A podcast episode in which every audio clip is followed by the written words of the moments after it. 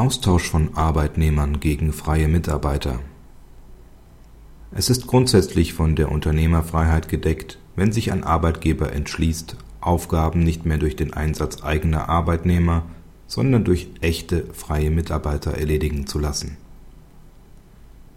Der Arbeitgeber beschäftigt mehrere Mitarbeiter mit dem Anbringen von Werbeplakaten an Schaltschränken. Im Jahr 2004 trifft der Arbeitgeber die Entscheidung, sämtliche gewerbliche Tätigkeiten im Bereich der Plakatierung einzustellen und diese Tätigkeiten künftig ausschließlich von Subunternehmern ausführen zu lassen. In diesem Zusammenhang bietet er den betroffenen Beschäftigten eine weitere Tätigkeit im Bereich der Plakatierung als selbstständige Unternehmer an. Sämtliche Mitarbeiter erhalten eine betriebsbedingte Kündigung ein Arbeitnehmer erhebt mit der Begründung Kündigungsschutzklage, es liege eine willkürliche Entscheidung vor. Das BAG hält die Klage für unbegründet. Die ausgesprochene Kündigung ist durch dringende betriebliche Erfordernisse gemäß § 1 Absatz 2 Kündigungsschutzgesetz gerechtfertigt.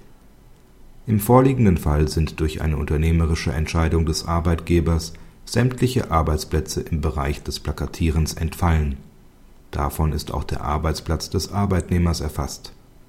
Nach dem vom Arbeitgeber vorgesehenen Konzept sollen die entsprechenden Tätigkeiten künftig als echte Fremdarbeiten an Dritte vergeben werden. Die den betroffenen Beschäftigten insoweit angebotenen Subunternehmerverträge sehen eine freie Mitarbeit im Rechtssinne und keine verschleierte Arbeitnehmertätigkeit vor. Den Betroffenen wird darin in zeitlicher und inhaltlicher Hinsicht ein erheblicher Freiraum bei der Ausführung der Arbeiten eingeräumt. Dem Arbeitgeber steht ein Weisungsrecht nicht länger zu.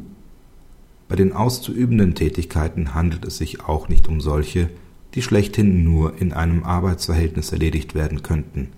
Dafür, dass die Entscheidung des Arbeitgebers unsachlich oder willkürlich ist, liegen keine hinreichenden Anhaltspunkte vor das Gesetz zwingt einen Marktteilnehmer nicht, den Bedarf an Leistungen ausschließlich durch Arbeitsverträge zu decken.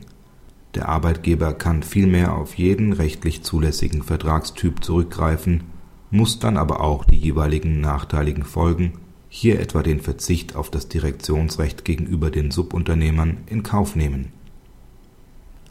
Praxishinweis Mit seiner Entscheidung stärkt das BRG die Unternehmerfreiheit es bestätigt zugleich die bekannte Weight-Watcher-Entscheidung aus dem Jahr 1996, in der das Gericht erstmals einen Austausch von Arbeitnehmern gegen freie Mitarbeiter für zulässig gehalten hatte. Entscheidend für die Zulässigkeit der gewählten Vertragsgestaltung ist der Umstand, dass nicht nur einzelne Personen ausgetauscht, sondern die zugrunde liegenden Verträge in eine andere Vertragsform überführt werden. Das ist zum Beispiel nicht der Fall wenn ein Arbeitgeber seine regulären Beschäftigten durch Leiharbeitnehmer ersetzt. In diesem Fall bestehen wesentliche Merkmale des bisherigen Arbeitsverhältnisses, insbesondere Weisungsrecht und Eingliederung in die Betriebsorganisation, fort, so dass von der Unzulässigkeit einer etwa ausgesprochenen betriebsbedingten Kündigung gegen den zu ersetzenden Arbeitnehmer auszugehen ist